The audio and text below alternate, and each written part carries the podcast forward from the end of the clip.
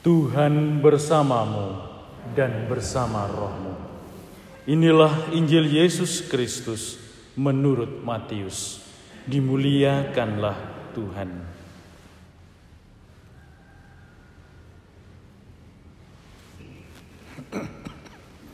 Pada suatu hari, Yesus masuk ke kota Kapernaum. Maka datanglah seorang perwira mendapatkan dia dan mohon kepadanya, "Tuan, hambaku terbaring di rumah karena sakit lumpuh dan ia sangat menderita. Yesus berkata kepadanya, Aku akan datang menyembuhkannya. Tetapi perwira itu berkata kepada Yesus, Tuan, aku tidak layak menerima Tuan di dalam rumahku. Katakan saja sepatah kata, maka hambaku itu akan sembuh. Sebab aku ini sendiri seorang bawahan, dan di bawahku ada pula prajurit. Jika aku berkata kepada salah seorang prajurit pergi, maka ia pergi. Dan kepada seorang lagi datang, maka ia datang. Ataupun kepada hambaku, kerjakanlah ini, maka ia mengerjakannya. Mendengar hal itu, Yesus heran dan berkata kepada orang yang mengikutinya, Aku berkata kepadamu, banyak orang akan datang Sesungguhnya iman sebesar ini tidak pernah aku jumpai pada seorang pun di antara orang Israel. Aku berkata kepadamu, banyak orang akan datang dari timur dan barat dan duduk makan bersama dengan Abraham, Ishak dan Yakub di dalam kerajaan surga. Sedangkan anak-anak kerajaan itu sendiri akan dicampakkan ke dalam kegelapan yang paling gelap di sanalah akan terdapat ratap dan kertak gigi. Lalu Yesus berkata kepada perwira itu, "Pulanglah dan jadilah kepadamu seperti yang engkau percaya." Maka pada saat itu juga sembuhlah hambanya. Setibanya di rumah Petrus, Yesus pun melihat ibu mertua Petrus terbaring karena sakit demam. Maka dipegangnya tangan wanita itu lalu lenyaplah demamnya. Wanita itu lalu bangun dan melayani Yesus.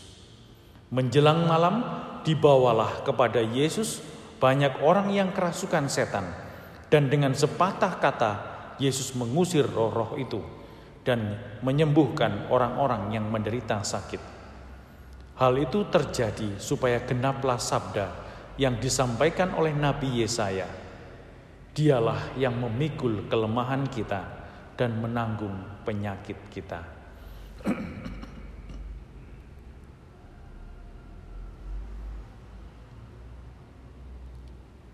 Demikianlah Injil Tuhan. Terpujilah Kristus.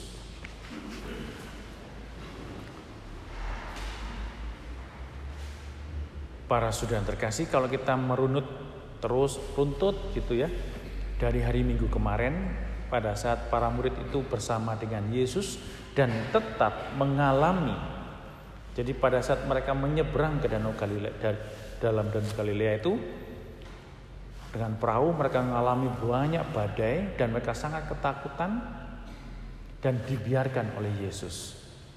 Tujuannya satu, agar kita belajar punya hati untuk orang lain. Jadi orang yang beriman, orang yang dekat dengan Yesus bukan ditunjukkan dengan banyaknya doa. Bukan ditunjukkan dengan betapa baiknya hidup orang itu. Betapa sabarnya orang itu, bukan. Tetapi apakah semakin banyak perbuatan kasih kita untuk orang lain?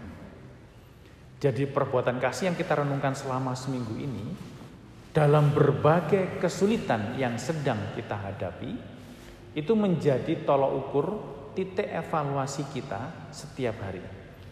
Apakah hari ini aku hanya sibuk dengan persoalanku, ataukah aku berani membuka mata?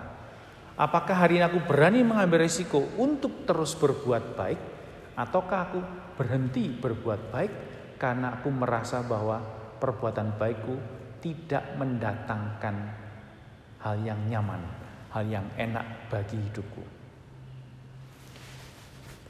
Perwira ini tadi dikatakan beriman bukan saja karena dia datang, eh, bukan saja karena dia memohon penyembuhan, tetapi dia memohon penyembuhan bagi hambanya, bagi seorang hambanya yang sedang sakit.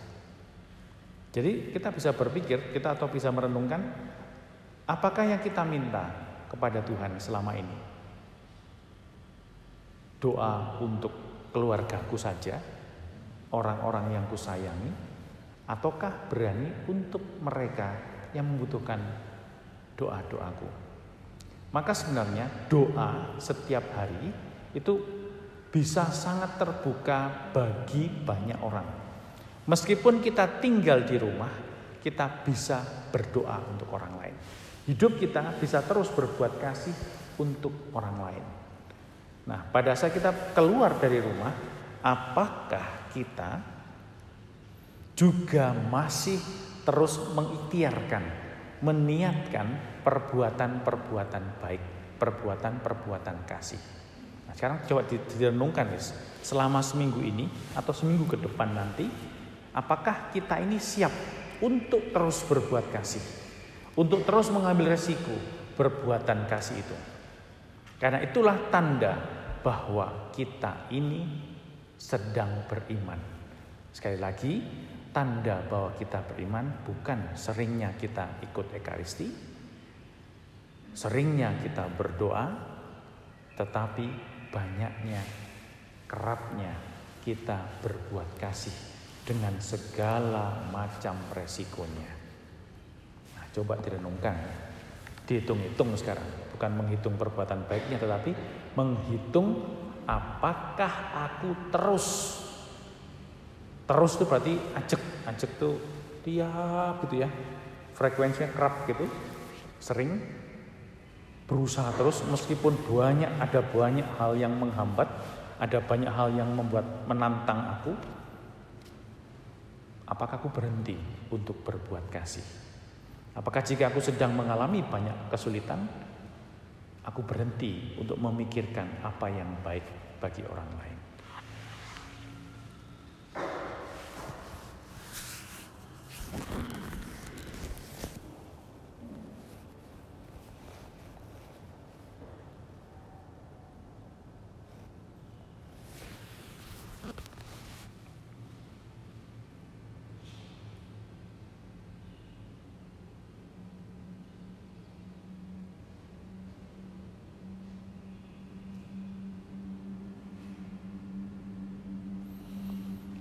Allah Bapa yang Maha Kasih, Engkau terus-menerus dan tidak pernah berhenti untuk mengingatkan kami bahwa hidup kami tidaklah sendirian, meskipun dalam berbagai kesulitan dan kesukarannya.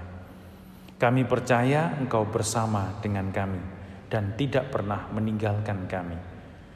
Buatlah hari ini kami mampu menjadi perpanjangan kasih-Mu bagi mereka semua yang membutuhkan kehadiran dan pelayanan kami.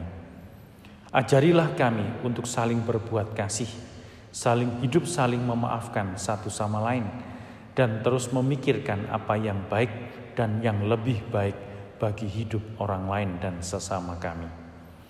Ke dalam tanganmu kami ingin mempersembahkan juga saudara-saudari kami yang sedang sakit, terutama Ibu Sri Panganti, dan cucu Marshall Bintang.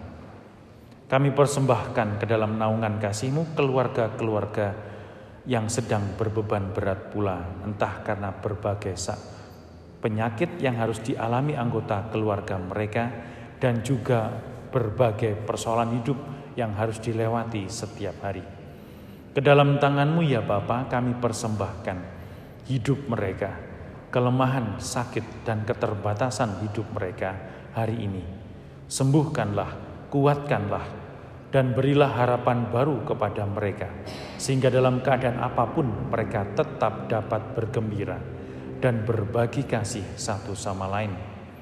Ke dalam tangan pula kami persembahkan hidup saudara-saudari kami yang telah kau panggil menghadap kepadamu, terutama Bapak Immanuel Kushartanto yang telah kau panggil menghadap kepadamu kami persembahkan hidupnya dan biarlah Dia menjadi pendoa dan pembagi rahmat bagi keluarga dan kami semua. Semoga perbuatan perjuangan kasihnya selama hidup di dunia kau pandang dan kau sempurnakan. Bawalah hidup kami hari ini ke dalam naungan kasih-Mu dan biarlah limpahan kasih-Mu juga berdampak dan dapat dirasakan oleh mereka yang berjumpa dengan kami. Doa ini kami panjatkan demi Kristus Tuhan dan pengantara kami. Amin.